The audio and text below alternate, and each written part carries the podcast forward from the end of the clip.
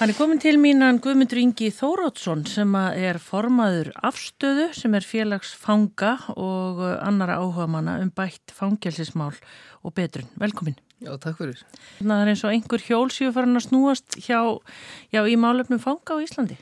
Já, heldur betur. Það er bara bladamannafundir orðið vikulega núna. Já. En ég var reyndar á vinnustofu Tolla. Þar sagt aðfendi nefndir sem er kallu Tolla nefndin kannski því hann var fólmaður nefndarinnar. Já. að sagt, nefndin uh, átt að koma til lugur að úrbætum var þetta félagslega aðstuðu fanga eftir áblunum og, og Tolli var sagt, að aðfenda félagsmálur á þeirra ásmyndi skýsluna á það og ásmyndur sagt, var náttúrulega búin að sjá skýsluna og, og reyndar öll ríkistjórnin þannig að ríkistjórnin er búin að samþykja þessa skýslu og að samþykja að þegar verði skipaði stýrihópur til að, að framkoma þessa hluti í raun og veru. Ráðuneytin sem komu að er, voru búin að samþykja líka á undan að þetta er lagt svona fyrir ríkistjórnina. Þetta er auðvitað ekki fullkomið en, en þetta er mjög jákvægt skref og stórt skref og svo verður bara framhaldi að ráðast hvernig næsta nefnd verður og, og, og hvað kemur út úr henni en við þurfum bara náttúrulega passa okkur að þetta má ekki vera nefnd eftir nefnd eftir nefnd, sko, þetta þar, næsta nefnd verður að framkoma þessu luti. Já, en hvað finnst þér sjálfum hafandi verið í þessari baráttu lengi? Finnst þér sjálfum eins og einhver svona hjólsíu farin að snúast? Já, í raun og veru, sko, það er nú ekki lengra nema bara örfá viku sem ég var hann svolítið svarsýtn á allt saman og hérna með, í þessu málum og var farin að bölva þessu svolítið, sko, en, en núna bara síðan var ringt í mig frá heilbyrðisraðunitinu og það var bóðið bladamannafundur og ég vissi raun og verið ekkit um hvað það snýrist frekar en aðrir, fangilsmálstofnum vissi það eiginlega ekki heldur og, og, og meiri sé að fangilsmálstjóri ekki heldur og hérna hann þurfti nú samt að halda ræðu, hann hafði þetta undirbúa ræðu á þess að vita hvað var í verið að ræða. Síðan sagt, kom grein eh, núna í gær eh, eftir hann áslugu dórsmálráðara sem að óbúslega góð grein. Ég, mér fannst því svo Ég hefði skrifað hana sjálfur, Já. þannig að þetta var mjög góð grein og það er mjög jákvægt að þetta sé að koma núna sérstaklega frá stjórnaflokkunum og ég held sko að það hafi raun og verið ekkert gerst, sko ef allt sem virðist alltaf ganga eftir og þá er uh, þessi ríkistjórn alltaf að gera öruglega það mesta sem hefur gerst mjög lengi sko í þessu málaflokki Já. sem er náttúrulega óbúslega mikilvægt en þess að, að þetta snertir ekki bara einhverja fanga veist, sem eru lokaði fyrir austan inni en þetta snertir allt samfélagi ja. og við höfum einmitt verið að benda á svo margt í gegnum tíðina sem er bara núna að gerast og rætast og af því að það var ekki hlustað okkur þá eru þessi hlutur að gerast mm -hmm. og, og við höfum sagt að lengi, ég meina það þarf að taka upp beturna stefnu og hætta með refsistefna en fangavist verður samt alltaf refsing það er alltaf refsing að vera í fangelsi. Þú er sviftur frelsinu, það er refsingi en síðan þarf að byggja upp fólk og þannig að fjölskylduna fái þá tilbaka aftur í góðu lægi og, og, og það sem gerist er alltaf sama tíma og, þe og þetta gerist að, að þó að þurfa að setja smá peningi í þetta upphafi þá sparast með árónum mikill peningur kostnæður fyrir lækandi og það er ekki bara sko að kostnæður fyrir lækandi sko hjá lauruglu, domstólum og fangelsum heldur líka almannatryggingarkerfinu og heilbriðiskerfinu og, kostnaður, óbytt kostnaður fórnalamba og þá líka á sama tíma að náttúrulega fækkar glæpum og endur komið tíni í fangilsi og svo byrja þessir, þetta fólk að vinna aftur, ja, við, við byrjum að vinna aftur og, og, og þá vantilega að, að borga skatta, þannig að ríkið þetta er vinn-vinn fyrir alla, Já, myndum en, að telja sko. Já, við kannski förum betur í þetta á eftir, Guðmundur, en hérna eins og alltaf í sunnundasögum, segðu okkur aðeins svona frá þín, þinni svona bensku, Hva, hvaðan kemur þú? Já, ég veit að nú alltaf, sko, ég Ég, ég fættist í hveragerði, föðurættin eða sem sagt eh, langafi, hann er frá hveragerði. Og hérna hétt Þóruður Ingiber, mér er örgulega svo eini sem hefur heitið það hér, hér á landi held ég, ég, ég, ég veit að ég, pappi var eitthvað að googla þetta um daginn og, og hann held að hann hefur verið svo eini sem hefur heitið þetta. Langafi, semst í ömmu vætt, hann Jón Eithorsson sem er, er hérna fyrsti maður sem talaði útvarp á Íslandi. Já, já, já, og var veðufræðingur og stopnaði veðudeild eða veð, veðstofuna held ég. Og var líka jöklafræðingur og, og, og, og hérna formaður jöklafræði fræðingafélags Íslands alveg þanga til hann lést held ég sko Já, já. og, hérna, og hann var hálbróðir Sigurður Nórdal. En eru þínar þá æskuminningar, sem sagt, fyrstu benskuminningarnar, eru þær úr hveragerði? Nei, ég man ekkert frá hveragerði. Nei, þannig að þú ert ég, bara það- Ég held ég að við heldum flutt þaðan sko þegar ég var einsás eða eitthvað Já, svona. og hvert þá í bæinu? Já, við fluttum í Breiðholti, í Reykjavík. Mm Hvað áratu fættur? Ég fætti 74 Já, og hérna, breiðholt að byggjast upp þarna? já, einmitt, og þarna legg maður sér. Ég var mitt í skóla þarna líka. Síðan fluttum við í er svona tengt árbænum. Og það er að byggjast upp líka? Það er að byggjast upp líka, Já, saman já. tíma. Sko. Og hvernig stráka var Guðmundur? Sko, ég var nú að spyrjast fyrir um þetta, bara ekki gær. Mér er sagt að, að, að fyrstu fimm árin þá hef ég verið óbáslega erfur og, og, og, og hérna, eðilegt allt sem ég kom nálagt og pappi sagðist að það hefur bara verið þreyttur bara að hugsa um þetta, Já, bara já. núna í gær. Þannig að hérna, en svo eftir það, þá held ég að bara verið óbáslega rólegur og sem ég er ennþá. Já, svona, þú hefur verið svona kraftmikill, svona ungur strákur. Já, Já. Ertu í stóru sískinahópi eða? já, við erum fjögur sískinni. Og hvað ert þú í rauðinni? Ég er eldstur. Já, og stjórnaður þessu öllu. Já, já, ég stjórna þessu. alltaf. Já.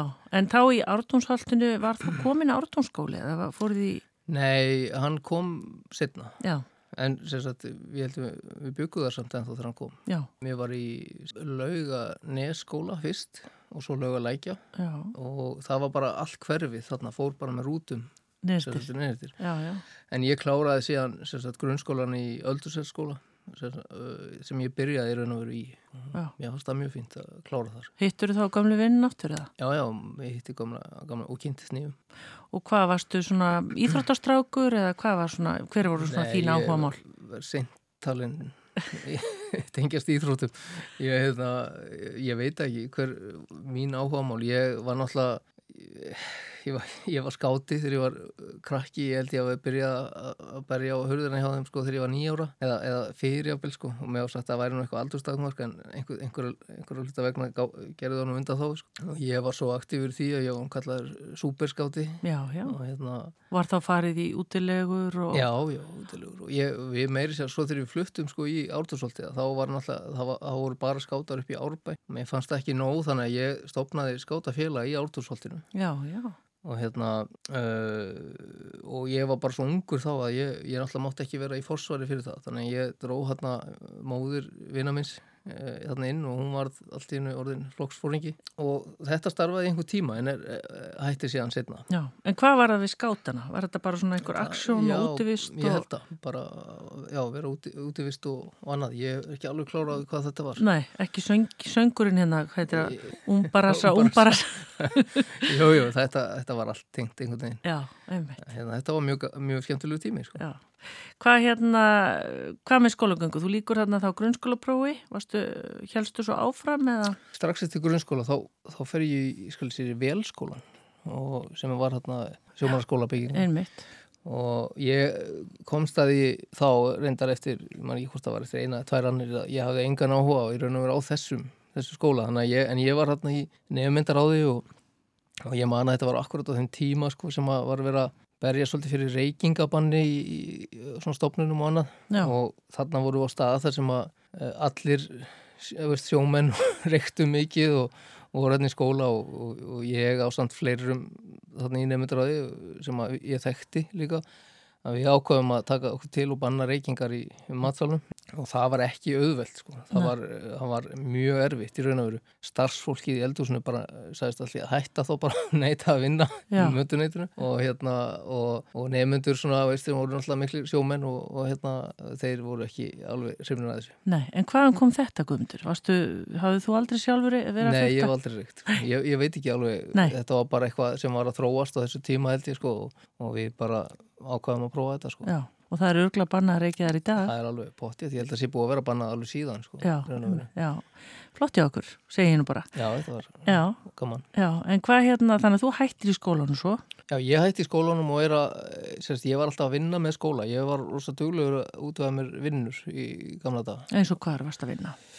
Uh, sko, fyrst var ég nú að vinna hótel sem heit Hótel Hof, held ég. Var á Rauðurstík og var þar í smá tíma og, og síðan var ég að vinna í, í Árkaup og, og hérna, sem var hérna í já, Og ég var þar einmitt, sko, alveg bara frá því ég var unlingur, sko. Og hérna, þá, var, þarna, þá voru litlu búðunar á hotnónum. Já, var, þetta var svona skúr í raun og veru sko. Já, já. Það var óa gaman sko. Já. og ég var þar nokkur ár og hérna, Og langaði þið þó kannski bara að fara að vinna alveg eða varst að því? já, í raun og veru sko. ég, ég fór aldrei í skóla beint eftir þetta sko. Ekki fyrir en setna sko. Nei, en áttur þú þarna erfitt með að læra eða einbytta þér eða var það bara eitthvað ég, stefnuleysi ég- eitthvað? Já, ég held að ég hef aldrei, ég var svona ég er bara einn af þess sem hafa aldrei vita hvað ég ætla að verða þegar ég verð stór sko. bara einhvern veginn, ég Nei. fór aldrei náða að ákveða það og hérna en, en já, en svo í setni tíu fór ég í, í nám sko og fór kláraði stúdentin í hérna Vestló Já, og ég kláraði þá um, mjög stuttum tíma, tveimur árum. Já, þannig að þú gasti þetta alveg en þú bara vissir ekki þá að þetta var... ég byrjaði á háskólanum líka og, og hérna var þar í og þannig að þú hefur bara farið að vinna og fórstu þá bara sjálfur að sjá fyrir eða bjóst alltaf heima hjá þér eða hvernig var það? ég var, ég var heima til tvítus held ég Og þá bara út í harkið að leia og... Já, veru, sko. en maður var alltaf, sko, ég var, hafði alltaf voðalega mikið áhuga að vera, kannski minn eigin herra. Maður var í alls konar braski þessum tíma, sko. Ég man að ég var með, hérna, matvala framleyslu þegar ég var 17 ára og samlokugerð og við seldum, sem sagt, eh, fr- frostna heilsurétti í, í, hérna, súpermarkaði og eitthvað sem að ég eiginlega mest sé eftir að- af öllu, það er það, sko. Það hafi ekki haldið því áfram. Já, hvernig rétti voru þetta?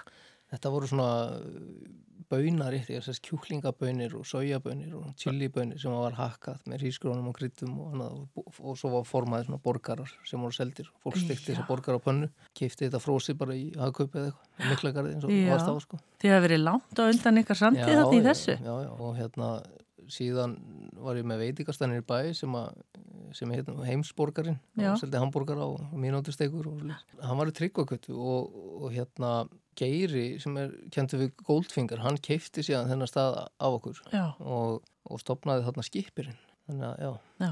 Þannig að þú ert strax, Guðmundur, komin út í svona, því ég veit að þú ert þar í dag í svona rekstri.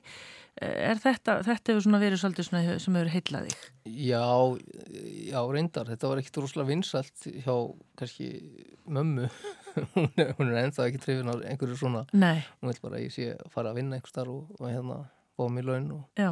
En, en, en jú, jú, þetta, þetta hefur heilað og Og er þetta svona gegnum gangandi í einhver ár þarna? já, já, ég við vorum opn, opniðum hann að disk eða sérst kiptum tunglið Já, já. Lækjagötu, vorum með það í svolítinn tíma uh, ég hérna var með öryggistjónustu á samt nokkur öðrum það var nú mest, mest sjálfbóð að vinna það var svona lítið upp úr því að hafa þá Já, og hérna sko oft þegar maður er með góðar hugmyndir eða er að gera eitthvað gott þá þarf fjármagn til og, og það, það var ekki til á þeim tíma. Þannig að maður gati ekki haldið þessu út sko í raun og veru.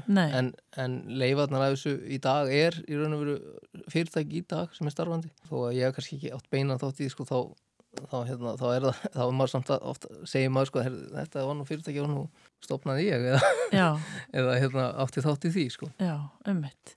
Svona heldur þetta áfram, Guðmundur, uh, hvert leiti þetta þig? Eh, Ég skal sér, við fórum, ég flutti til Spánar. Uh, Þú og, já, ég, ég flutti til Spánar. hvað var það? Einhver- Var á kaltina? Já, svolítið kalt. En hérna, það er bara heillaði einhvern veginn. Ég, ég er mjög ánægði með Spán og hérna, mér líður mjög vel þar. En ég, við opnuðum bar á Spáni. Þú segir við, hver er Já, það? það var, skal ég segja, er, við opnuðum hennar bar reyndar þrý saman. Já. Eitt Spánveri og annar Íslandingur sem var með mér í því. Og hvar á Spáni var þetta? það var á Benidorm. Þar tók lífi hjá mér svolítið svona, fór, fór ekki eins og átt að fara, a- akkurat á því tímabili. Sko. Og, og ég til dæmis byrjaði í neyslu þar, sagt, uh, fíknefnæslu. Já, og er það bara annað umhverfi og aðri vinnir og... Já, það var bara, ég veit ekki hvaða ástæður það voru sem að leita mig í það, en það var, það var eitthvað sem gerist þar, sko. Uh, og upp frá því þá, þá byrjaði maður að fókus á aðra hluti, rángar hluti náttúrulega, sem að svona, náttúrulega, þetta er náttúrulega ákveðin reynsla samt, sko, en, en, en maður hefði viljað sleppa Já. við þennan hluta. Manstu eftir því á þeim tíma að hafa hugsað, nú er ég að fara út í eitthvað út á okkur svið sem að, þú veist, er ekki rétt eða, eða helstu bara áfram einhverju... Nei, ég, sko, ég man á, á, á undan þessu, ég var náttúrulega yfir til að vera á Hótel Íslandi líka í svolítið tíma vann þar og mjög skemmtilegu tími þar og þar var ég ofbúrslega fanatískur á fíknefni og hérna á mótið þeim og ég man að við hendum alveg heiglust út og fólki sem var tekið með fíknefni og hérna en svo þarna á spáni þá bara í raun og veru tekið þá ákvarðin að prófa Já. og upp frá því var bara ekkit aftur snúið sko í raun og veru frá bara fyrsta skipti þannig að ég var ekki þessi típa sem gæti fengið mér einu sinni eða eða aðra hverja helgi eða eitthvað svo leiðist, það var bara í þessum efnum, Já, það, það var bara þá var maður bara á þessu í daglega í, í nokkur ár sko.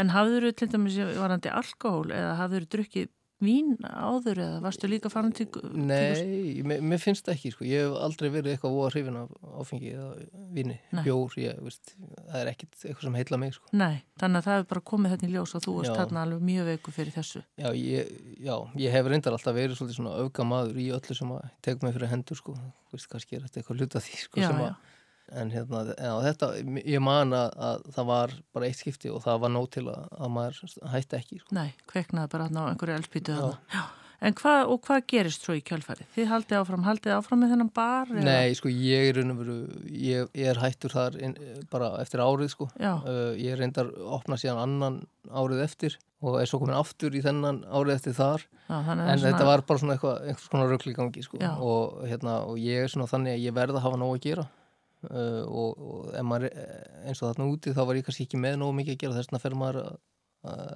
setja maður orkun í eitthvað sem maður á ekki að gera. Nei. en hérna uh, síðan í raun og veru þarna er ég síðasta sum eða 99 uh, ég kem heim um hausti og svo er ég í raun og veru bara handekinn í í, í desember. Og þá fer ég, þá byrjar nýtt ferli í raun og veru nýjir áfangi Já, í mínu lífi. Þá kemur nýjir kapli í líf Guðmundar Inga. Já. Já.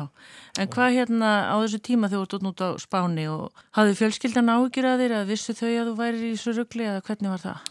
Mm, nei, ég held ekki. Maður er náttúrulega sérfræðingur í að feila allt svona sko, held ég, þeir sem eru í, í svona sko. Já. Uh, jú, jú, sjálfsagt það með grunna eitthvað en ekkit, nei, ég, ég, það var eitthvað í lámarki held ég. Já ummitt. En þarna undir aldamótin, þá ertu handtekinn fyrir hvað? Það er fyrir fíknefna influtning mm -hmm. og það er náttúrulega svona ákveði framhald bara af þegar maður byrjar í neyslu, sko. þú þarf náttúrulega viðhalda neyslunni og eiga að væfna á því. Já.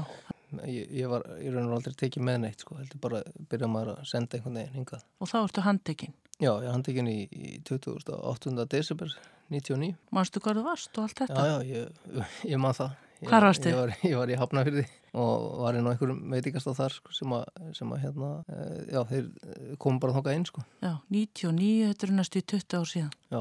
Já. Þannig að maður er með 20 ára reynslu af fangilskerfunu núna. Já, en hvað myndu hvað hérna, hver hafði sagt tíðin eða hvernig hafði þetta komist upp? Þetta var bara vera, búið, ég, ég veit í raun og reykt um að þetta var bara eitthvað sem var búið að vera rannsókn í einhver tíma. Og varstu stóri kallin hann? Áttur orðið eitthvað pening og svona? Nei, ég menna þeir sem eru í neyslu, þeir, veist, þeir ná aldrei að gera neitt að viti Nei, veru, sko. hvað er gert? Ertu bara farið strax í fangelsiða? Já, já, ég bara ég fór fyrir dómara held ég og svo bara hérna kerður östur og lillarinn og hérna í lauruglubíl Já Manstu, þú mannst náttúrulega þann dag? Já, já, ég mann þann dag. Og ég, ég menna það, það er ekkert auðvelt sko, það er, aldrei, það er ekki auðvelt af þessi fangilsi að fara sko, í fangilsi er áfall út af fyrir sig sko, þannig að flesti sem eru í fangilsum eru með einhverja sögu um áfall og sem að þarf að taka á. En svo er náttúrulega líka þarf að taka á þessu einmitt sko, áfallinu við að fara í fangilsi sem er gífurlegt, sko, gífurlegt áfall. Já, ég hef aldrei tekið viðtalvinn eitt sem hefur farið í fangilsi, bara þú reynir að lýsa því fyrir okkur, hvernig þetta er? Það bara lokast ykkur hurðu eftir þér? Já, ég, þegar ég er að keira þarna að, sko, ég, ég man nefnilega sko, bara hálfumáni áður en að þetta gerist og þá er ég að keira þarna framhjá og ég horfið svona á einmitt litlarinn og þetta er svona svolítið valda mikið blokk Já. og mikið stórun ljóskasturum og maður svona hugsaði mitt hvað hvernig ætli þetta sé þannig sko, sem maður vissi í raun og verið ekkert sko. en svo þennan dag sko, sem maður er verið að kera mig þarna upp yfir og þá, ég menna ég sé bara einmitt akkurat þessa mynd, þessa byggingu og það er snjór úti og hérna og maður sér ljóskastarana og, og hliði svona rísa stórt blátt stál hlið sem opnast og svo komaður bara inn og, og, og hliði lókast aftur og hérna en svo er maður svona hálgerður, ég veit ekki, maður byrjar að því að fara í einangrun ég var í einangrun held í oft í tvo mánuði held ég þar. Og, og síðan alltaf kemur að því að maður er tekin úr einangun og settur í eh, lausakjærslu sem það er kallað uh, og þá, sagt, þá fer maður meðal annar að fanga. Og, og þar kemur raun og veru svona annað kannski áhyggju efni eða þess, það er allir hætti við að fara í fangilsi og vita ekkit hvað býður þeirra í raun og veru. Já, fær maður enga aðstóð með þetta, einhvern veginn að fara á næsta skref einhvern veginn? Mm, ekki á þeim tíma allavega og í raun og veru lítið ennþá. En, en miða við það sem er í gangi núna þá er stutt í að það kannski breytist. En þetta er búið að vera allt rosalega stopp, skilur, það, veist, þetta er þeir sem eru í fangil sem er ekki fórgangsmál sagt, stjórn yfirvalda og þetta er svona afgangsstærð og, og þau veit ekki alveg hvernig, sko, hvernig þau eru að tækla hennar hóp, sko, hvort er eiga að vera að gera eitthvað fyrir hann því að fólk gaggrinir stjórnstöld fyrir að vera að gera eitthvað fyrir fanga en fólk áttar sér bara ekki á því að það er það besta sem hægt er að gera fyrir allt samfélagi. Það getur vel verið að fólk sé reitt og heimti að það er bara loka menninni og læsa liklunum uh, en hvað er gott í það? Það, það þýðir það að manneskja verður mjög reið í fangilsinu þeir koma verri út aftur uh, af því að það hefur ekkert verið unni í þeim á meðan þeir eru unni Nei. og kannski eru þeir búin að vera í neislallan tíman og þá er þetta bara spurning sko hvernig nágrana vilt þú hafa heima hjá þér, skilur, af því að allir sem eru þarna inni verða nágranar einhvers, einhver tíman af því að það kom allir aftur út. Og, og maður myndi auðvitað vilja nágrana sem að ef hann hefur verið fangilsi að, að þá sé, sé að norðin endur höfður í raun og veru að það sé búið að hann sé búin að vera í skóla, búin að vera í starfsnám læri eitthvað og komin í eitthvað ferli uh, þetta er það sem skiptir mestu máli í raun og veru sko. En hvað með því sjálfan hafandi verið þarna í neyslu þú ferðarn inn fjögst ekki frákvæðsengin eða hvernig, hvernig var passað upp á það? Jú, ég fekk mikil frákvarsenginni þegar ég var í einangrun og það var þannig að það var og ekki takt að yfirherra mig neitt að því var bara það veikur og, og hérna, uh, en svo náttúrulega lagast það með tímunum en ég, maður, veist, ég fekk aldrei neitt við því, sko. Nei. það, var, það var ekki þannig, það kom bara læknir og ekki leið með því og og uh, veist, það var ekkert meira en það, sko. þannig, veist, og þannig er þetta enn í dag, ég hef séð til dæmis bara sjálfur, bara upp á þeim sem ég fangir svona holmsið að það er ótrúlega margir sem, sem eru mjög veikir og í, í frákvörfum og þeim er hendan inn og þeir eru þarna ælandi og, og, hérna, og, og fá lítið við því. Sérstaklega verið útlendingar og viti ekki kunni ekki kannski að leitast eftir því sko, aðstóðið eða, eða lifjum eða eitthvað en þetta er vissulega eitthvað sem þarf að laga og við bindum miklu að vonu við núna við, með þetta nýja geðhilsu teimi sem er búið að koma í gegn Já. Veistu þarna, komundur þegar komin úr þessar einangrun veistu þá uh, hvaða dómur býðið þín, hvað áttu að vera þarna lengi eða hvena færðu þið þetta það? Nei, maður veit það náttúrulega ekkert sko en ég gerði mig fljótt grunn fyrir því að þetta var, uh, við værum að tala um einhvern áratug eða eitthvað svo leiði sko mm.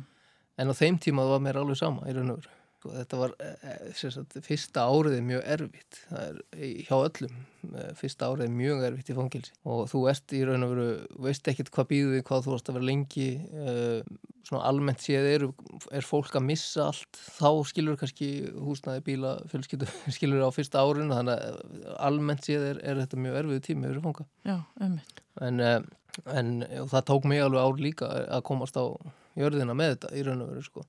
Því maður er svona, maður er líka reyður og ímislegt í gangi, maður reyður yfir að hafa verið tekinn sko, þetta er erfiðu tími þá, en síðan eftir það þá bara er lífið einhvern veginn þá bara þetta er þitt líf, skilur, þú ert bara þarna þarfst að fylgja þessum reglum og þú bara gerir það best úr því, skilur og svo bara verður þetta bara vani þú veist, þú vaknar á mótana, ferðir vinnuna kemur inn, ferðir líkarsrætt eða útivist eða eitthvað svoleiðis kemur inn og fer að læra eða hóra sjómarpi eða þetta verður veist, svona vana veist, meina, fangar horfa á nágranna og bóltinu skilur og svo er það vani bara einhvern veginn.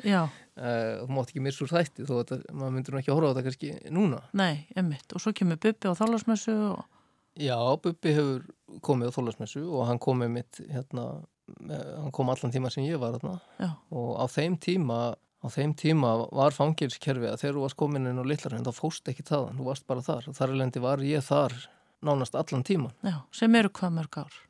Já, ég var 8 ár í, í fangilsi, ég hef ekki verið þarna í 7 ár. Guðmundur, það hérna, er ótrúlega langur tími. Það er mjög langur tími, en á þeim tíma þá fannst mér þetta bara einhvern veginn ég var bara komið með þannig viðþórf að ég ætla ekki að læra neitt, ég ætla bara að halda áfram í þessu uh, og það sem vantaði þá og vantar enn í, í dag í raun og veru er það að það kom einhver þín bara og fari við þín mál og spyr bara, veist, hvað viltu verða? Viltu verða bakari? Þá bara ekkit mál. Við hérna, þekkjum hérna Almar bakar og Selfossi og við gerum bara samningu við hann og þú getur farið þángað.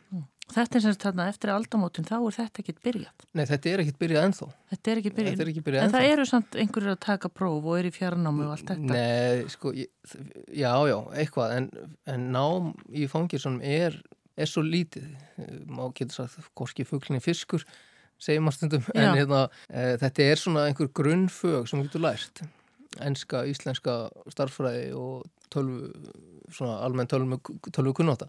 Þetta er ekkert mikið meira þetta og, og þú kemst aldrei neitt áfram. Það hefur til dæmis ekki fangið útskrifað sem student frá litlarunni í 5-6 ár eða meira sko.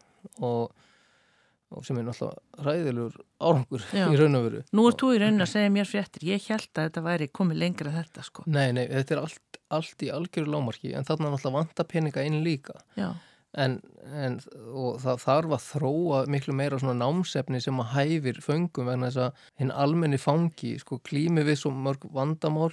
Hann er kannski ekki góður í bóklegu námi sumir geta ekki lesið uh, aðrir bara skilji ekki veist, þetta er svona lesblinda eða Já, annað, já. svo er, svo er hérna uh, þannig að það þarf þróa námsleiðir sem að, sem að fangar geta lært meðan þeir eru inni og það er þá kannski einhverja stýttir námsleiðir og þú færð ákveðin diplóma fyrir það það, það er kannski ekki þetta full réttindi en þú getur fengið sem aðstofum að smiðis eða eitthvað, eða það þarf að búa þetta til í raun og veru Mm. og nýta tíman og meðan menn eru inni ég held að þetta sé eitt af allra mikilvægasta það er sko starfstjálfun verknám og, og bara nám almennt uh, og síðan alltaf vinna í fangisun það þarf að vera að vinna og það þarf að vera að vinna fyrir alla Já. og í raun og veru ætti að vera samkvæmt mínu áliti eins og það sem ég er nú þekkingu annar stað frá líka að það, að það ætti bara að vera vinnu skilda skilur, eða námskilda já. Og Þannig hérna- að það hafur einhver tilgang bara. Já, og, og að því að sko það, það þarf bara að taka á þessum málum og við þurfum að hætta að ég voru að þetta framleiða glæpamenn skilur við veist að því að það vantar smiði, það vantar bakara, kokka múrara, rafvirkja, skilur við allstaðar og þetta getur við framleitt úr fangisunum eða allavega. Veist, það, er, það er hægt og, og, og þetta er náttúrulega líka bara, er bara stór sigur ef við náum einhverju svona gegn sko. Já, en að sjö áran loknum, Guðmundur Ingi, ert þú þá bara ennþá, hvað ég var að segja, nefnilega fyrir utan kannski neysluna á, á byrjunarreit eða? Ertu ennþá ekki búin að finna út úr því hva, hvert þú ætlar? Nei, nei, ég, ég hérna, tók það ákvörðun snemma að ég ætlaði að flytja aftur til Spánar en á þeim tíma var ég ennþá svolítið fastur í þessu kannski, þessari hugsun sko, sem að maður var ekkit alveg búin að losa sig við sko, að maður ætlaði bara að vera í þessu. Nei, og að það var líka út af, af því að fangilsi var bara geimsla skilju, þetta var bara geimsla, maður var bara geimtur á það, maður fekk ekki sálfræði viðtöl eða maður fekk ekki að gera neitt. Það var ekkit um að vera þetta var tilgangslust, algjörlega tilgangslust og fangilsi er tilgangslust, sko ef það er ekki eitthvað innihald. Já, já. Hvað með neyslu eins og þér? í fangilsinu? Já. Nei, það var einhver neysla, já. En ég byrjaði, tóka ákvörðun að vera ekki neyslu þá, en svo eftir ég man ekki hvað, fjögur árið eitthvað þá byrjaði ég þá bara, veist Tilgangslösu Já, eða eitthvað þetta var bara maður þurfti að breyta deginum, skilja, því að það var alltaf allt eins í raun og veru. Og hérna, Og var það ekkert mál að ná sér í, nei, nei, það, það var ekkert mál. Og hérna og, og, og það var ekkert mál þá og það er minna mál í dag. Og já, sem er náttúrulega bara ekki í lægi? já þannig að ég held að það hefur vantað þetta, einhver hefur komið bara og sagt bara, veist, hvað viltu verða veist, hvað viltu gera í framtíðinni hvað hefur að, við, við getum gert þetta og þetta ef þú stendur því svona að þá áttu möguleika á þessu og þessu. Í dag er þetta svolítið svona kerfi uh, þessir aðeinar eiga rétt á reynslulöst þarna en þessir bara þarna og þessir geta farið þangað en þessir ekki, veist, þannig að, að það þýð það að, að sumir sjá engan tilgang. Nei, sjá engan tilgang með að standa sér vel eða gera eitthvað. Og hérna á meðan það er svona mikið óréttlæti myndi ég segja þetta heiti í fangilskernu að þá er bara alltaf stór hópur sem sér enga tilgang. Og, og fangilsi er þannig staður og það er nöðsilegt að sé kvatakerfi og fólk kannski segir já ég meina okkur þarf að vera veita þeim einhverja verðlaun fyrir að standa sér vel skilur hérna, en fólk er bara ekki átt að sjá þessu kerfi og það er veikt mikið af veiku fólki. Og þegar þú ert á þessum stað þá bara þarf einhvers konar gullur til að fara eftir sko. og, og það er bara gott mál held ég fyrir allt samfélagi skilur ef að, ef að þú fær þetta þetta er ekki mikið sem að er verið að tala um þá, og ert búin að standa þig þá, þá eru svo miklu meiri möguleikar á að þú standir í lífinu. Og við stundu sagt að sko, það er kannski hægt að koma í veg fyrir glæp í fyrsta skipti hjá þessari mannesku eða við getum sagt jafnvel bara nögun en við getum, jafnvel, en við getum vissulega reynd að koma og gera allt til að koma í veg fyrir að það gerist í annað og þriðarskipti þessum mannesku þannig að, að það er einmitt eitt af þessum, þessum gróða í, með betunarstefna er að brota þólendu fækkar. Það hlýtur að vera markmiði með öllu fangavist já. Þetta segir Guðmundur Ingi Þóratsson sem er formaður afstöðu félagsfanga og annara áhuga manna um bætt fangilsinsmál og betrun hann í gestum minn í sunnundasögum viljum taka örstutlið, fá nokkra lýsingar og heyra svo setni hlutan af hans lífskeiði og það er greinlega mikil baráttu hugur í hann og Guðmundi. Þú ert að hlusta á Sunnudagsögur á Rástfö. Guðmundur Ingi Þóratsson er gestur minn hér í sunnundasögum og uh, Guðmundur við endum uh, fyrir hlutan á því þegar að þú ert í fangilsinu í samtals sjö ár. Fyrst að sleppa eins fyrir út eða hvað? Nei, ég, ég sko, ég var, var reyndar með 12 ára dóm. Já, þú veist 12 Eða ára sem sagt, tóm. Þetta eru tveir dómar saman. Já, og ég þurfti að vera 8 ári í hildina sko, en ég var 7 ára inn á Lillarunni og, og, og eitt ári í þá, Já, sem sagt, ég var 9 mánuði á, á vend já, var, þannig var kerfið áður fyrr. Það er að segja, þeir sem voru inn á Lillarunni þeir fóru ekki taðan en í dag er þetta þannig að þú ferð á það er mjög góð breytingir þú ferð fyrst í lokafangilsi og svo í opifangilsi og svo ferð á vend og svo á öklaband Já, og þetta er svona tröppugangur út í samfélagi aftur sem er óbóðslega mikilvægur. En er ekki alveg að virka sem skildi sko út af að það vantar innihaldið sem Já. við erum alltaf vonað að komi núna skilur með öllum þeim breytingum sem við verðum að tala um já, en uh, það er staðreind að annar hver fangi, jafnvel herri prósenda, komi aftur í fangilsi og það er nákvæmlega sem gerist í mínum tilfelli já.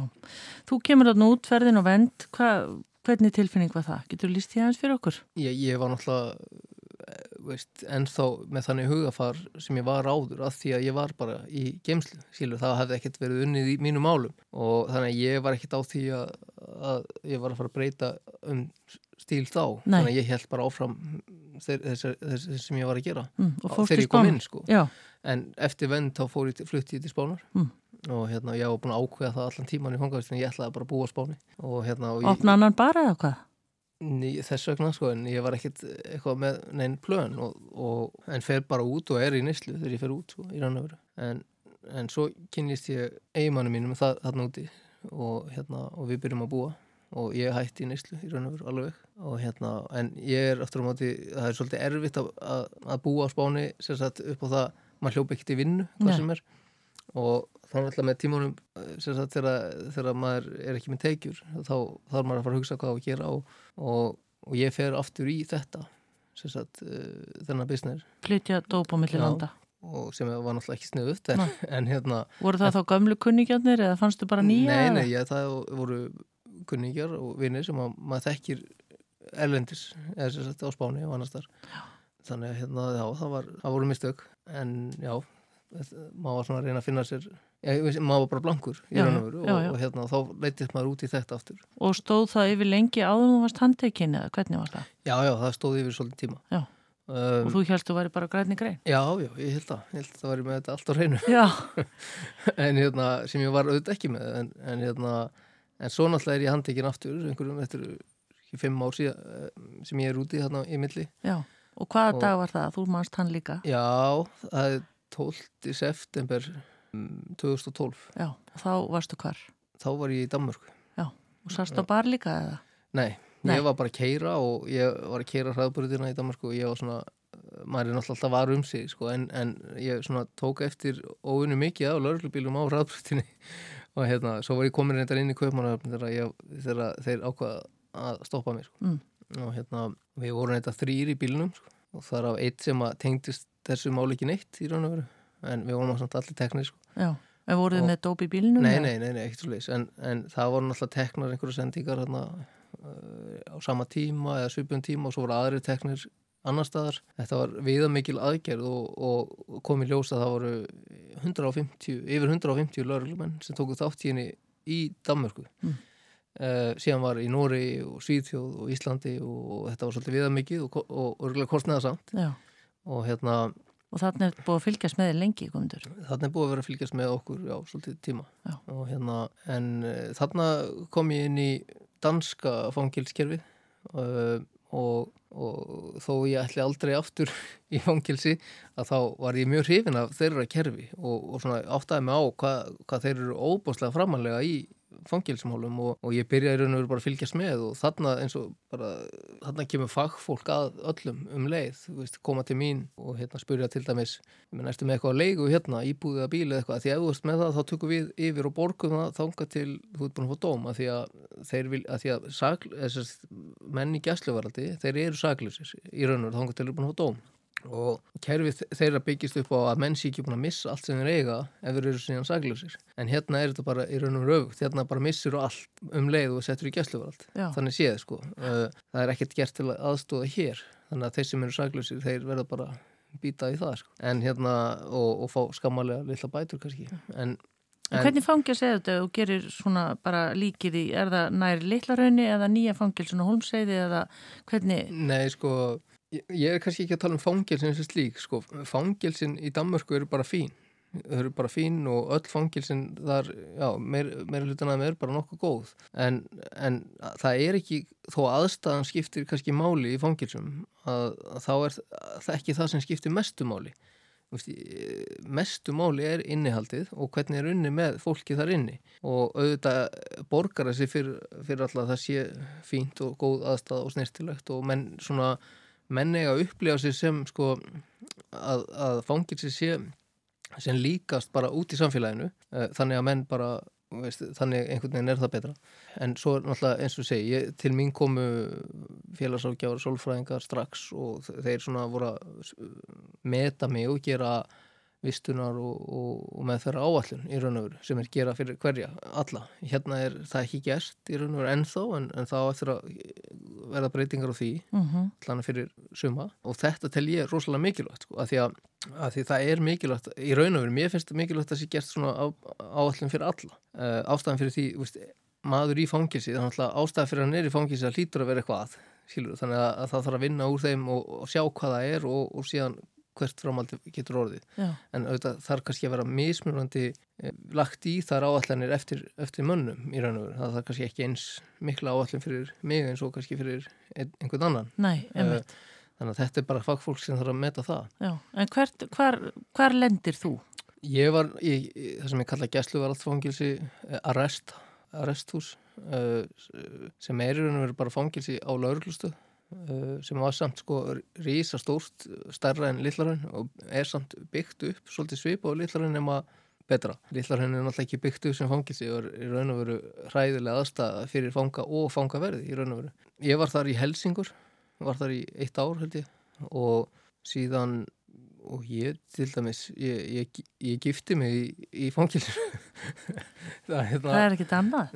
Nei, þetta er hérna, við, það var bara eitthvað sem við vorum búin að plana og hérna og, á, og ákvæðum bara að gera. Já. og þetta var fyrsta gifting í eh, gei, gifting í í gifting í Danmarku, í fangilsi og hérna og bara gaman að því sko. Já, frábært, en, en, en stóðir aldrei til hérna bóða að koma til Íslands? Eða varstu áplána í Danmarku eða hvernig er þetta? Nei, nei, ég, ég sótt um að koma til Íslands. Já og ég, ég sótt um það vegna þess að þó að kerfi var mjög gott í Danmörku og góður aðbúnaður og mér leið bara mjög vel þar að þá var maki minn hér á Íslandi og hérna að, að því ég var útlendikur í Danmörku þá átti ég ekki söm kosti og til dæmis dani.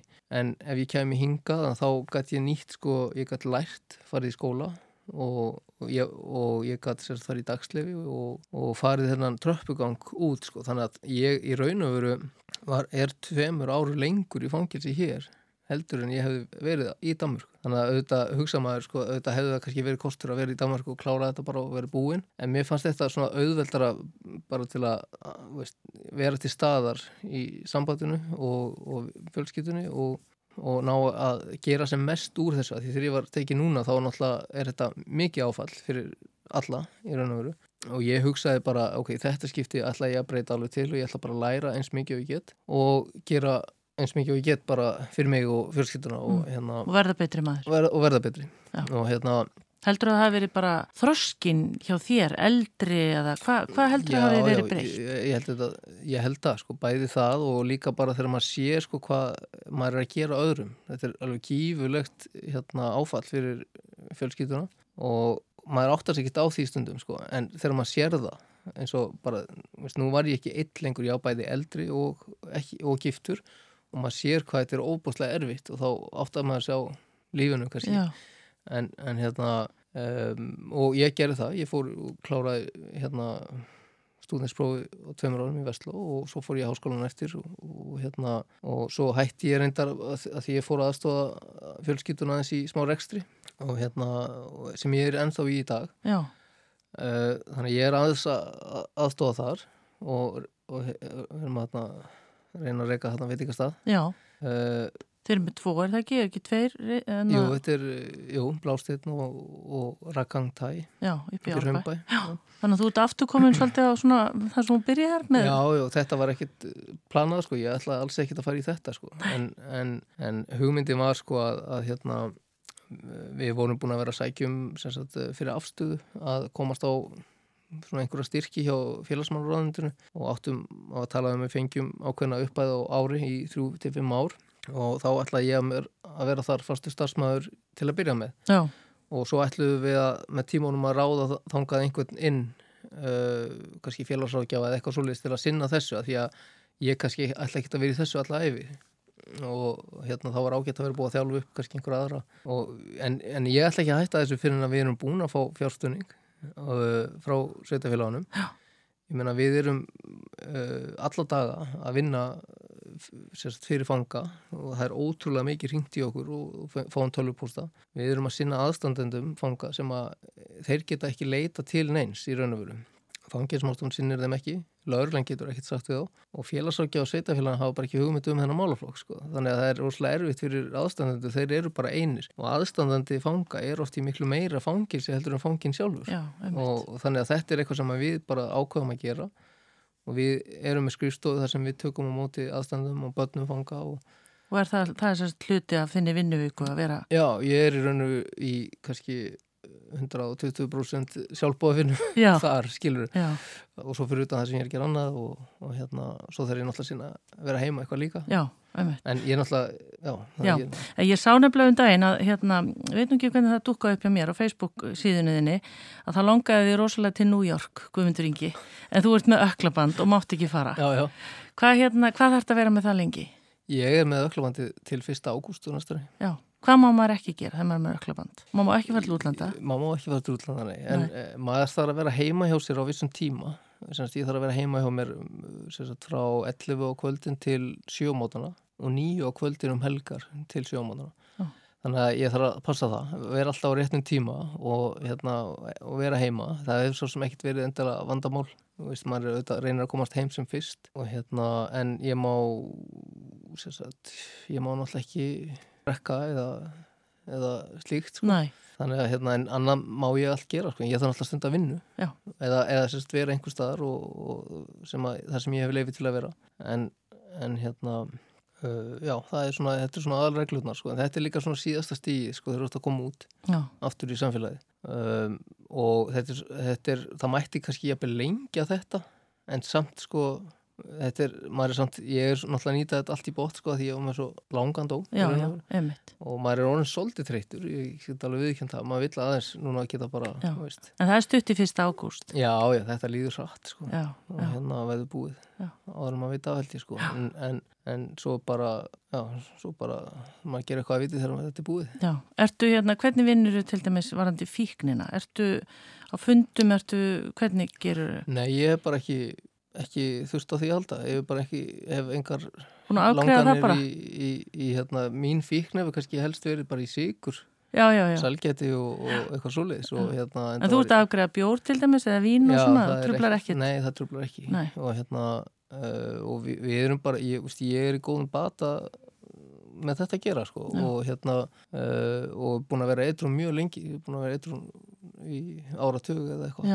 Og hérna en, en, og það er auðvitað, ekki að fara að breyta stelti en, hérna, en, en sigurinn hefur verið vandamál og ég hef búin að vera að taka á því og hérna, uh, maður, þegar maður er lokaður inni eða er inni og hérna, þá er kannski lítið um seyfingu og maður svona bætir vel, flestir bæta af svolítið ási í fangilsi Góð matur og... Já, ég menna, hann er auðvitað misjafn sko, hann er auðvitað misjafn í kokkaðni sko, en, en, en flestum finnst hann góður, já, já. Og, hérna, en, en við náttúrulega vestlum bara mat í kjörbúðinni sem er kallað rimlakjör hérna, uh, en svo er elda á kvíabryggju og, og sokni Guðmundur Ingi, af því þú ert, þú ert til dæla ábyrjandi, bæði sem formaður afstöðu og þú ert náttúrulega duglegur á Facebook og, og samfélagsmiðlum og þú ert auðvitað í þessum veitingabransa og allt þetta. Finnur fyrir fordómum? Er fólk til dæmis varðandi bara að fara á veitingastæðin? Þú veist, er það, já, býtu hann er formaður hérna fanga, þú veist, hefur, hefur það einhver áhrif?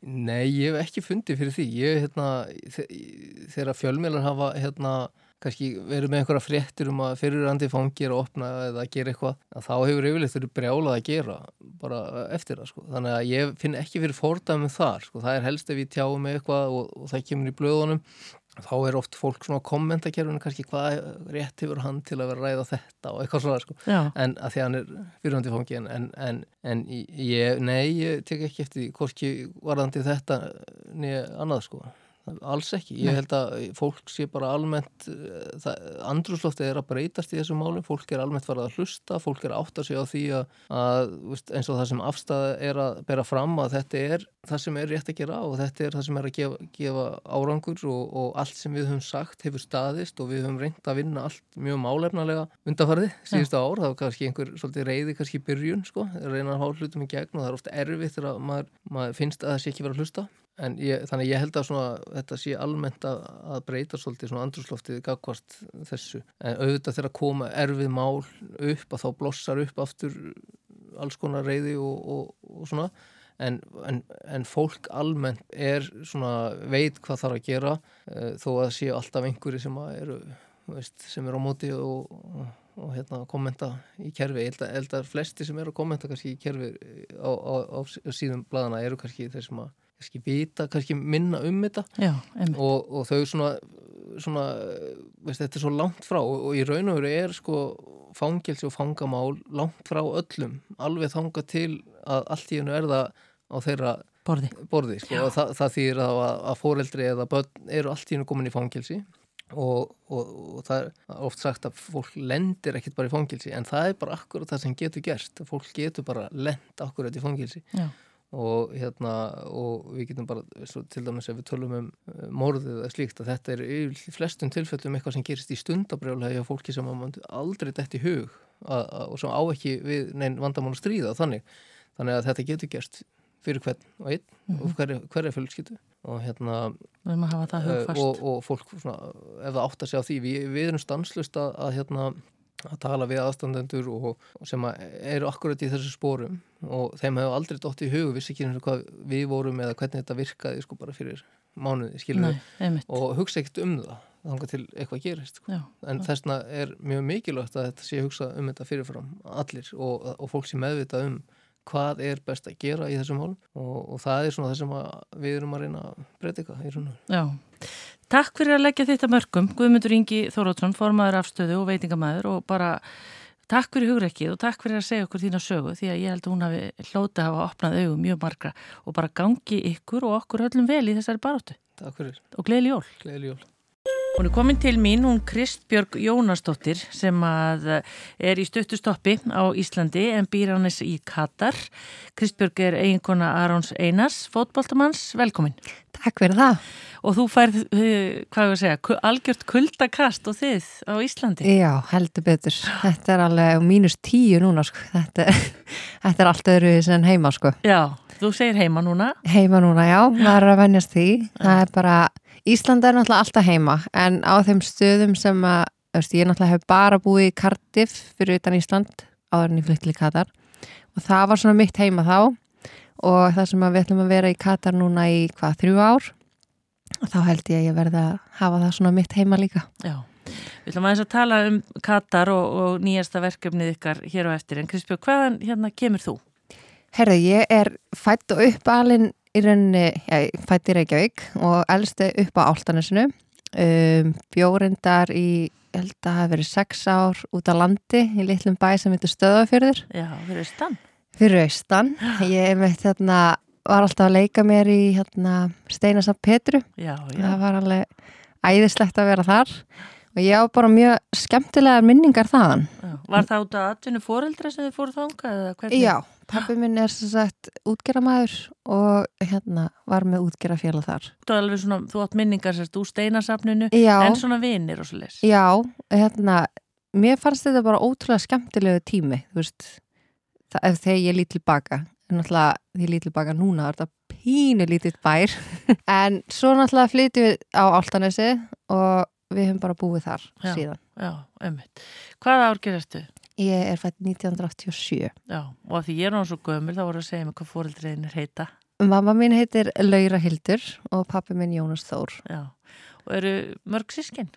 Ég á þrjár eldri systur og, og eina yngri, eða sem sagt tvær hálsistur. Já. Þannig þetta er stelpu fjölskyld. Þetta er stelpu fjölskylda. Þannig að við áttum heima á, á áltanisinu áðurum fluttum á stöðafjörð, fórum svo þangað og Já. svo aftur á áltanisinu. Já, en núna til er, er það ekki rétt hjá mér Altanis Garðabæ. Jú, Þannig að mikið þetta rétt. er bara eiginlega í Garðabæ. Já, Já, en hvernig það því ég var einmitt, ég held ég að vera með síðustu helgi einhvern sem að ólst upp á Altanesi, var, þú fætt 87, mm þú veist, öllar samgöngur og svona þetta getur verið eitthvað út í sveit þá eða hvað? Jú, og sko sérstaklega þegar maður fór, við fórum í gardaskóla, þú veist, við vorum 13 ára í 8. bekk. Áltanisskóli náði þá bara upp í 7. bekk og hérna, jú, það var svolítið erfitt að komast á milli og sérstaklega maður fór á, á gelgjuna og svona, það var mikið það að húka far og mömmulli mikill ránægi, Já, að reyna að komast eitthvað, já, komast á milli. einmitt. Þú ert íþróttastelpa? Já, alltaf verið íþróttum. Já, prófaður bara allt eða hvað? Já, ég var í fimmleikum, frjálsum og fótbolta. Já. Var í fótbolta í alveg öruglega allavega tíu ára eða eitthvað. Hvaða lifa það? Það hét á þeim tíma UMFB en svo var það, það sem sagt ungmennafélag Bessastað Reps svo var það ungmennafélag Áltanes. Já, og voru þetta aldrei góðar? Við vorum svakalega sko. Það var, þetta var rosa skemmtilegu tími en við hérna, við náðum ekkert oft í lið. Þannig að við vorum, vorum lengi í sjömana alltaf en Já. svo hérna var það eitthvað árið þegar við náðum að búa til þess að meistarflokkslið. Ég var í held, öðrum flokk þá spila ég bara upp fyrir mig en já, svo svona datt þetta svona smá Já, en ég held að séu með liðar í dag einmitt. þannig að þetta er búið að fara svona upp á niður Já, en, en sérst áður nú ferði inn í þennan óbúsla fótbolta heim. Fylgdustu þá vel með fótbolta? Hefur alltaf Já, svona verið svolítið? ég hef alltaf haft gríðarlega mikið áhuga á fótbolta og bara, þú veist, maður eftir mig bara þegar pappi var alltaf að horfa á ennsku úrvalstildina, ég var yngri og ég valdi alltaf sama lið og hann veist, til að halda með og eitthvað svona þannig að ég hef alltaf, alltaf haft áhuga því Já. Svo ferðu í, eftir alltanis, er það þá fjölbreyt, þegar þú ert búið með tíundabekka eða hvað? Já, ég valdi fjölbreyt í Garðabæ fór íþróttabreyt þar og útskrifaðist mann ekki eins og hvað ár Nei. Jesús. En þegar maður fer á íþróttabraut, hvað varstu þá eitthvað búin að hugsa hvað að vera enga þjálfari var eitthvað sem hefur hillað mig bara ótrúlega lengi. Og veist, ég átti mér svona fyrirmyndir. Það var hérna sýstir vinkonum minnar, hún var enga þjálfari og hérna hún Telma í Hress Já, og mér fannst hún alveg bara, ég sá hana ég bara, wow, mér langar bara að vera svona. Það var, ég átti mér svona nokkrar fyrirmyndir sem að mér svona langaði að líkast já, fór, eftir ég hætti í fótboltanum þá varði ég bara svona ástangin af ræktinni, mér fannst það útrúlega heillandi bara, já, mín útrás hægt að segja það og bara allt sem tengist bara bara liftað, ég veist, bara það sem getur gert fyrir líkamann, finnst mér bara magnað og það var bara no going back ef- eftir að ég byrjaði í því. já, einmitt. Og þegar þú færst svo stúdisprófið, hvert fórstu þá? Þá fór ég, ég var svona pínu, vissi ekki, já, metnaðurum var kannski ekki alveg til staðar en hérna Menur þá Í námsmetnaðir? námsmetnaðurinn, já, ég hef aldrei verið mikið, mikið svona námsmanneskja nema ef ég hef einhvern áhugaði þú veist, þá finnst mér ekki eitthvað mann eins og kannski flestir, en já, skóli og ég eigum bara ekki mikið saman. Og ég var rosa góð í skóla þegar ég var yngri, svo bara einhvern veginn ég veit eiginlega ekki hvað ég hef aldrei verið greint með aðteklisbrest eða neitt þannig, en þetta er svona næ ekki að tengja, þú veist, það er bara ég veit ekki hvað það er. Það er fullt af fullóttu fólki að fara í svona alls konar greiningar Já, ég, ég tel mig ekki þurfa hennar greiningu, hvort sem ég sé með það eða ekki, að þá, þá er það bara þannig, en, en já, Þannig að svona áframhaldandi háskólanám var ekki einhvern veginn inn í myndinni. með, ég sótt um í hérna, íþrótta í háskólanum. Já, ég komst ekki áfram í það. Þannig að þá bara einhvern veginn svona já, þú veist, þá bara svona gælt ég því á bakvið já, en ég læriði enga þjálfaran já, og varð hóptímakennari. Og þessi vinna bara þú veist, hendar mér bara mjög vel. Já. ég hérna Já, ég elska að vinna með fólki, bara að fá að hjálpa þeim og annað. Og, og svo finn ég líka sko, þegar ég er skikkuð til að læra eitthvað, þá er eins og maður að fara í eitthvað svona, nei, ég vil ekki. Já, en mér finnst ótrúlega gaman að lesa mig til og fræðast sjálf og mér finnst það rosalega mikilvægt líka verandi engaþjálfari, það er alltaf eitthvað nýtt að koma og þú verður að vera svolítið á tánum. Ég get alveg gert það leikandi, en Já. ef eitthvað myndi segja mér að gera og ég tekka prófið í, þá myndi ég bara "Ah." En, en mér er oft hugsað sko, þú veist, að vera með þess hóptíma. Já, Er það ekkit álag? Háfaði, há tónlist, einhvern veginn svolítið að garga? Ég, ég hef oft hugsað, er þetta ekki erfitt? veistu það, ég bara elska það. Ég hérna byrjaði sem sagt með böttlift í vörklass um, þegar það kom fyrst. Já, og þessi tímar voru rosalega vinsalir og þetta var bara, sviti og tróðið. já, þetta var svo skemmtilegt og ég bara hitti einmitt bara eina í gær í rækstáðan, hún bara ég var alltaf í bötli þegar það var svo gaman og veist, þetta var svona þetta var bara ákveðin hópur, þetta var þriðsvarsinnum í viku eiginlega alltaf sömu sem mættu, Já. bara í svona opin tíma En hvað þýr eiginlega bara- böttlift? Herðu, Hverju, hefur verið að lifta? rassinum þetta var svona meira svona tóning tími þarna, fyrir rass og læri Já, já, já. og mikið á hoppum og, og svona. Ég sé alveg ljómar alveg, Já.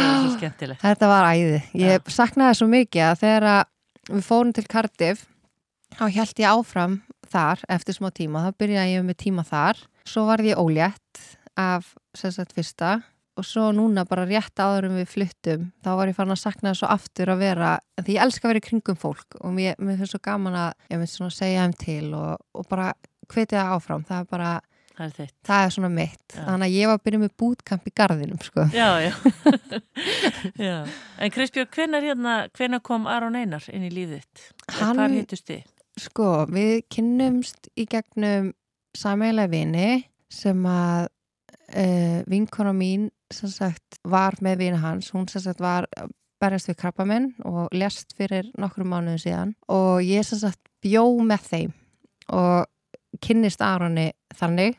Það tók, tók okkur smá tíma svona, já, bara fest okkur saman, við vorum svona smá on and off. Já, en svo hafðist það að lókum já. Er hann ekki, hann er frá Akureyri, eða ekki? Jú, hann er frá Akureyri. Já, Þá bjó hann úti. Já. Þannig að ég hitt hann bara, þú veist, þegar hann var að koma heim eða eitthvað svoleiðis og var það þá með síðaskeggið? nei, nei, nei, nei, nei, nei, öðruvísi? hann var allt öðruvísi, sko. hann var ekki með neitt skekk þá.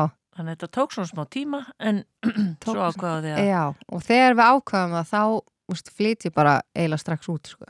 Þannig að það var bara svona allt eða ekkert. Já, hvernig er kart? Cardiff er æðisli borg. Ég, hérna, já, eins og ég hef alltaf sagt, mér leið bara eins og heima. Og, en ég held sko, Cardiff minni meira á, veist, eins og Ísland, veist, svona, það eru fjöll og svona umhverfið. Við sjóin líka. Við áttum náttúrulega bara, veist, í þessum fótbolta geira, þá er náttúrulega rosalega mikið um það að fólk er að koma og fara. Við vorum svo heppin þarna að bara við áttum svo æðislegan hóp, bara svona vina hóp, bara þá voru sumi strákarnir múin að lengi í liðinu, ég er búin að kynast konunni þeirra og þetta var bara svona, já, það var Svo fjölskylda bara. Já, eiginlega. Já. Það var eiginlega svona svolítið erfitt að fara veist, á þeim tíma. Svona, Hvað voru þetta í mörg ár? Aron var aðna í átta ár og ég var aðna í sex ár. Já. Og þessi reymur sem er, maður hefur heyrt Aron um eitt tala ennsku, ég hef ekki heyrt þig. Er hann ekki taldið erfiður að ná eða hvernig? Jú, ég hérna, og einmitt þegar ég er búin að vera svona í burtu og svo heyri ég í stelpunum, það er ég bara, wow, bara, maður tók ekki eftir þessu einhvern veginn þegar maður bjóð þarna, en maður svona, þegar maður er svona aðeins fjarlægur, þá, en Aron, það er oft sagt að hann sé bara eins og gaur frá Manchester eða, veist, hann er með, hann er með svakalega hreim, sko. Ég held að ég sé ekki þannig. nei, ummitt. Hvernig, bara fyrir þá sem ekki þekkja þetta líf, hvernig er þetta líf eiginlega? Sko, þetta er náttúrulega ótrúlega skemmtilegt en á sama tíma er þetta náttúrulega mjög erfitt líka. Það sem að það er alltaf svo fyndir, sko, að fólk heldur alltaf að fótbolta lífi sé bara eintómur glamúr og glans og það er bara gutt í töskur og dataratanda sem að er ekki. Og hérna það gleymist oft að þótt að þeir sem að úst, vinna við þetta sem eru atvinnumenn þá hafa þeir þurft að ganga í gegnum rúslega mikið til að vera á þessum stað. Og það eru ótrúlega margir krakkar sem við vilja vera atvinnumenn og þeir náði ekki. Þannig að það er bara einhver ákveðin hópur sem kemst þetta lánt en að vera atvinnumæður þá þarfstu náttúrulega að vera í standi og þú getur verið uppáhaldi hjá þjálfórunum og svo bara allt í næsta ekki og eða hjá aðdáðandum og sérstaklega í Englandi að þá geta þær verið rosalega grófir og bara hvernig þeir tala og kommenta og sérstaklega eftir að bara social media kom til.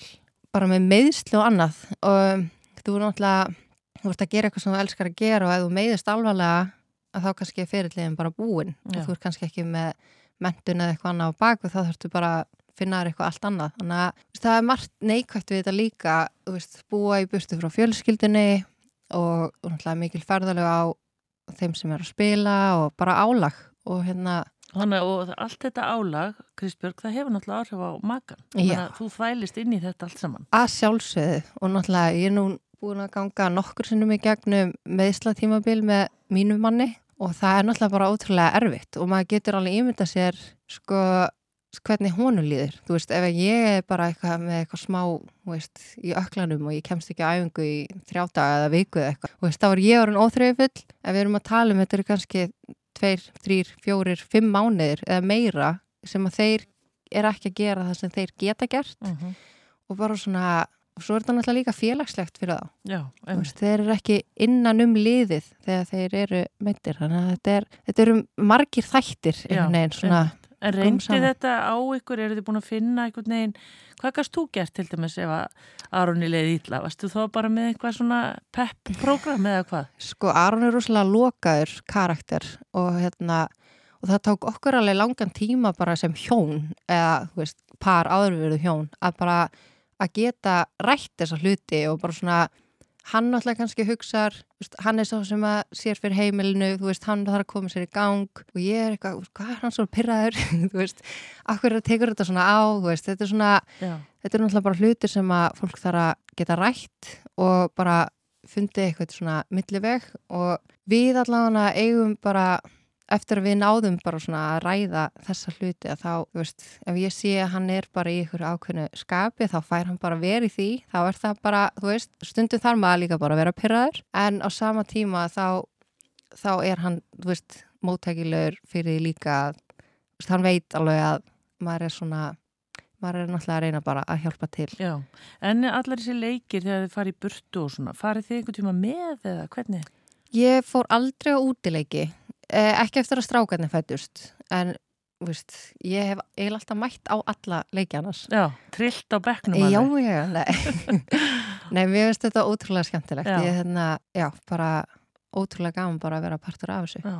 Og svo hugsa maður sko megafóboltamenn ger allt, má hann fara á skýði eða má hann fara í badminton eða er ekki svona ákveðna reglur með það? Jú, þeir mega ekki Vist, ég held að sem er að ég er ekki alveg viss, það er allavega ákveðnar svona íþróttir sem að með ekki gera. Nei, þannig þau bara finna ykkur eitthvað annað. Já, svolítið svo les Já, einmitt.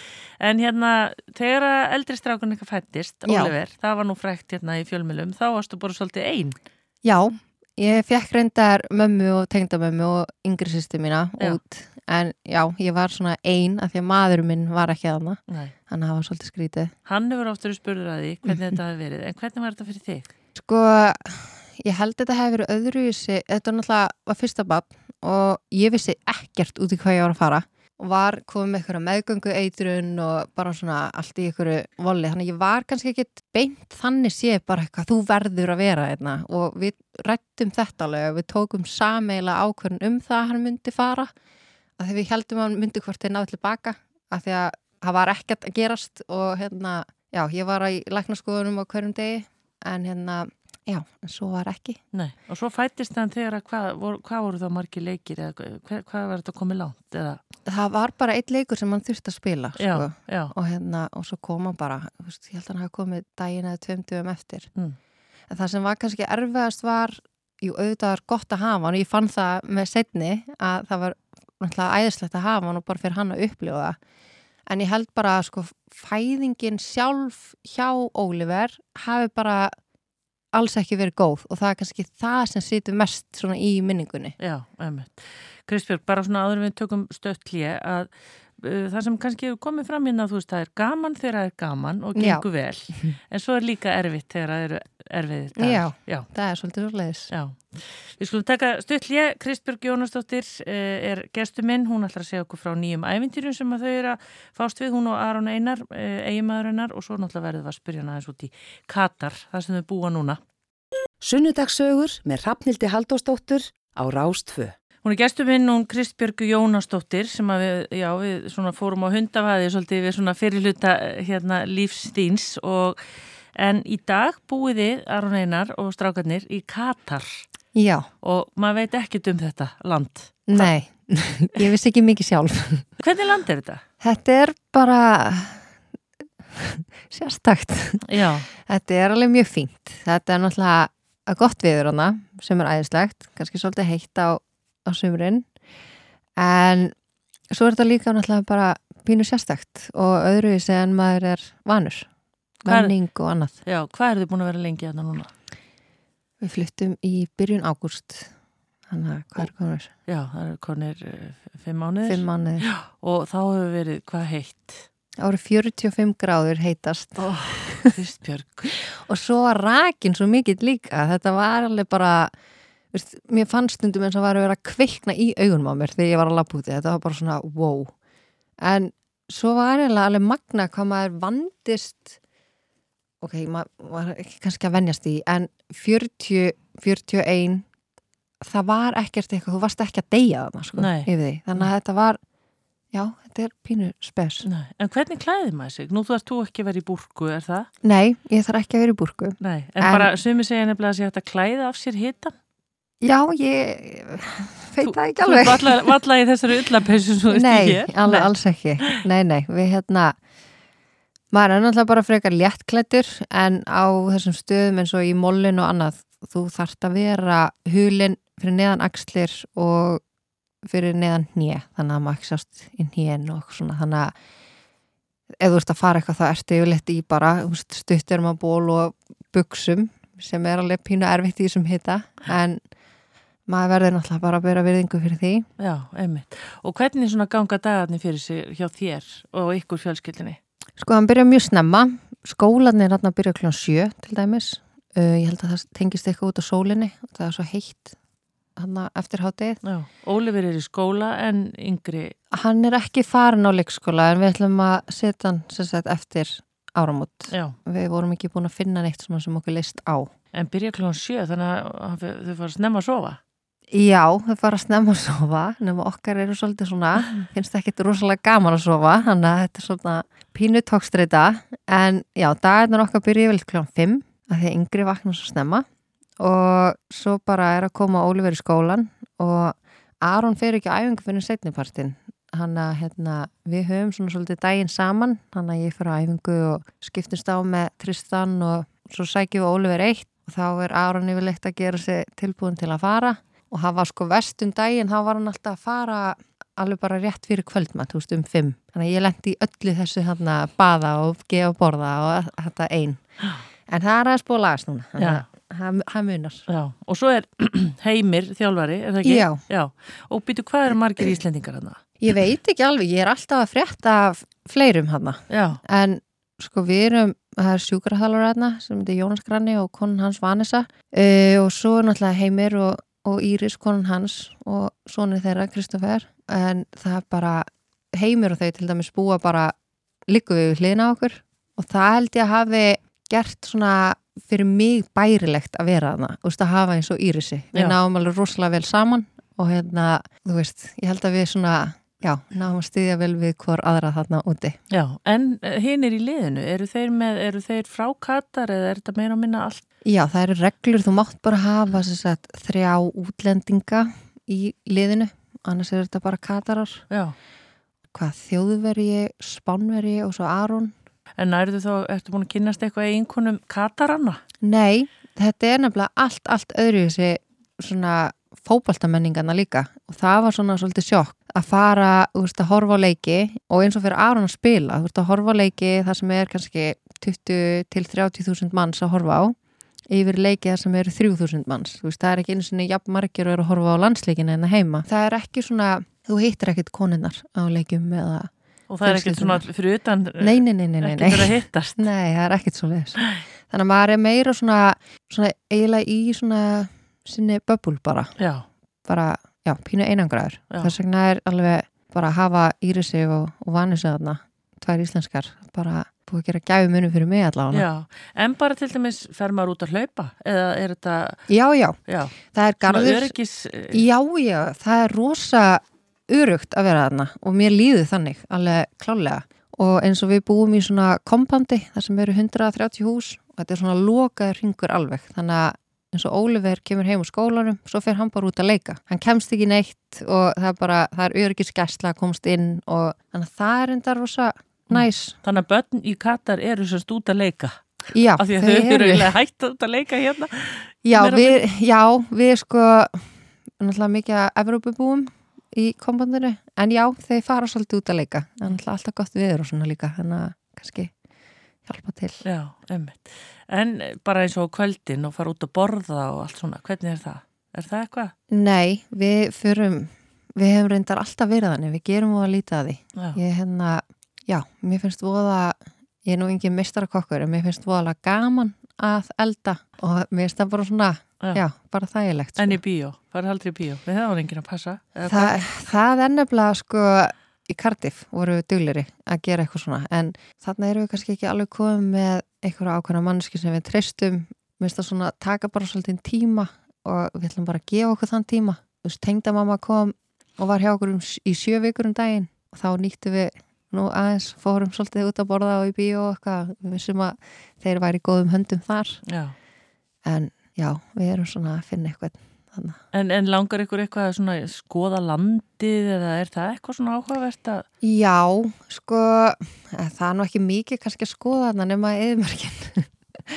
en ég fór til dæmis til Óman um, bara fyrir tömugum og var að keppi fjallahlaupi, já, bara já. eitthvað svona spontaneous. Já. Og það var til dæmis allt öðruvísi umhverju þar. Þú þar eru fjöll og bara svona meiri dreifibíli og þetta var bara Allt er þessu upplifin allt öðruvísi, Já. gjur ólíkt. Já. Og eitt að lókum í sambandi við Katar, hvað með tungumáli? Hvað er tala? Það tala, það tala ég allir ennsku þarna, þannig að það er eiginlega ekkert vandamál. Það er bara mjög þægilegt. Já, En já, katarandi þeir eru svolítið svona, þú getur ekki treyst á neitt sem þeir segja, að það bara, þeir veit ekki, ef þeir segjast alltaf að koma klukkan þetta, þá er það yfirleitt þrjum tímum setna. nú hvað er það? Bara, Ég, bara, það er allir svo hægiranna eitthvað, ég veit það ekki. Þetta er alveg, þú veist, og Íslendingurinn sem það er alltaf að gerast allt strax, og maður er svona, já, það er pínu er það ekki bara hitin? Ábyggilega, þetta er, já, ég veit það ekki, þeir eru búið afslappaðir. Já. En þegar þið komið út núna, er þá, hvað er þá heitt? Núna er bara rosa þægilegur hitti. Það er bara á kvöldin fer þetta kannski nýri í 15-16 Já, sem er já, bara eins og góðu dagur hér. Já. 25, eitthvað svo leiðis á daginn. þannig að það slæri ekkit í frostið. Nei, það gerir það ekki. Kristbjörg, þið komið meðal annars heim út af því að það er búið að, hvað er að segja, það hefur fæðist lítil hugmynd hjá okkur. Já, þetta er svona eins og þriða badni bara. Þetta er búið að vera svo lengi einhvern veginn í bígerð og Segð okkur frá, hvernig var þessi hugmynd til? ég hef alltaf haft rosalega mikinn áhuga bara á húðuvörum og það kveiknaði svona meira eftir ég var óleitt af yngri stráknum okkar. Þá varstu svolítið að spá veist, hvað máttu setja á þig og veist, allir þessi bannefni, paraben og veist, alltaf sem er verið að nefna. Og ég fór bara svona aðeins að kynna mér þessa hluti og langaði að, já, taka þetta lengra. Við erum búin að vera með þess að vörur á markaði sem að við höfum bara svona rýbrandað og höfum ekkert komið að þeim þannig séð. Og mér langaði að gera það öðruvísi af því að mér finnst það skipta svo miklu máli að þegar þú ert að gefa eitthvað út í þínu nafni eða selja eitthvað eða að þú veist nákvæmlega hvað þú ert að gefa frá þér, hvað þú ert að selja og að þú bara hafir 100% trú á þessari vöru sem þú ert með. Mm. Þannig að ég hafði samband við farmastika á Greinvík og spurði hvað þau geti gert hverju þá? Er það? ég veist að ég held að það hafi verið tengdamömmin sem að sagði mér frá þeim og ég bara svona, ég bjóst ekki við að það væri hægt í raunin að framlega svona vörur hér. Þetta er ekkit eitthvað úr náttúrunni nema úr svona náttúrulega efni eins og kalendúla eða eitthvað þannig. Já. en hérna, þetta er bara, já íslenska vatnið er náttúrulega bara svona aðal sem að okkur finnst gríla einsklísukent að hljómar, það er, það er rosalega mikilvægt, þá þarf ekki að nota jafn mörg efni í vöruna að því að vatnið er svo reynd og þetta er bara svona, bara varð allt í einu stór skemmtilegt samstarf sem að bara En vatn og hvað? Og ég veit, þú þarft ekki að segja okkur nákvæmlega uppskriftina. Nei, hva- hvað er í svo þessu? er bara óljur og bara eins og skrúpar, það er jójópaperlur og, og svona alls konar. Og er bara hafinn einhver hérna risa framleysla á Greinivík? Já, það er, það er hannig sko. Og það er svo skemmtilegt líka við það. Við erum búin að, ég held að ég sé búin að fara á hanga núna þrísosinnum. Þetta ferli er búið að vera í hvað næstu þrjú ár. Og rætur hans Arons eru þarna eða hvað? Já, þannig að hérna, sem er ennþá skemmtilega líka. Já. Og, en já, ég held ég sé búin að fara þarna þrísosinnum og bara það að ég get komið þarna inn sem eigandi af vörumerki og fengi að blanda efnin sjálf og bara við byggjum okkar vörur á raka og veist, þá að fara út í það, hvað gerir hvaða efni og þú veist, ég fæ að blanda það sjálf og allt svona og það er það sem ég finnst svo ótrúlega spennandi. Og hvernig ætlar að gera þetta, Kristbjörg? Ætlar að fljúa frá Katar til Greinivíkur á næstunni eða hvernig ætlar að fara að þessu? Sko, það er náttúrulega bara ákveðið framleiðslu ferli sem að þau eru með og svo er ég bara með náttúrulega bara indislega starfsmenn hérna Já, sem að er að sjá um þetta fyrir mig en ég er alltaf með puttana í þessu sem er pínu erfitt ef þetta verður svo langt í burtu en þetta er bara eitthvað sem að ég mun alltaf koma til með að vera alveg 100% í hvort sem ég þurfa að fljúa þetta heim einu sinni í mánu eða ekki, mér er alveg sama en þetta er bara, já, þetta er bara svona eins og þriðja badni sko. já, en ætlaði að selja þetta á Íslandi eða... Já, við ætlum að byrja hér Já. og þetta var einmitt bara að koma í sölu svo, er, svo ætlum við að fara á Erlendan markað eftir áramót Já, byrja í Katar kannski? Já, aldrei að vita En já, og svo bara er endalust hérna, meira sem við erum að, að vinna að Já. og eftir að koma eitthvað meira skemmtilegt eftir áramót En Kristbjörg, maður hugsa sko að koma kremi til dæmis, það sem eru sko, þú veist, ég veit ekki eins og hvað margar bara örgulega miljónir Já, tegundir ég til. veit Að hérna, þetta lítur að vera svolítið töff.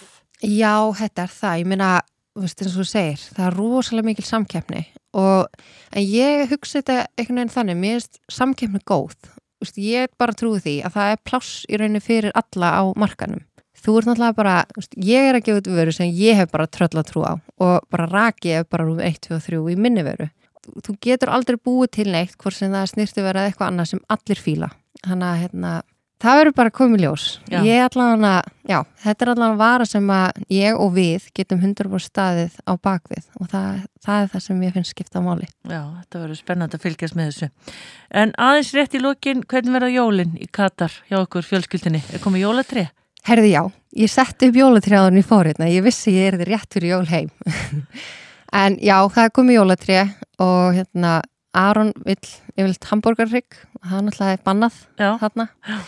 Þannig að það verður kalkut, já, ég er ánað með það. Bara við erum búin að vera rosa duglega að skapa okkur bara svona eigin hefðir síðustu ár við höfum verið þrjú eða fjögur núna og hérna, já, við erum bara svona, við erum voða róli yfir já. Það, svona, Það er koma jóla það. næsta ári. Og, Það koma jóla næsta ári og bara reyna að njóta.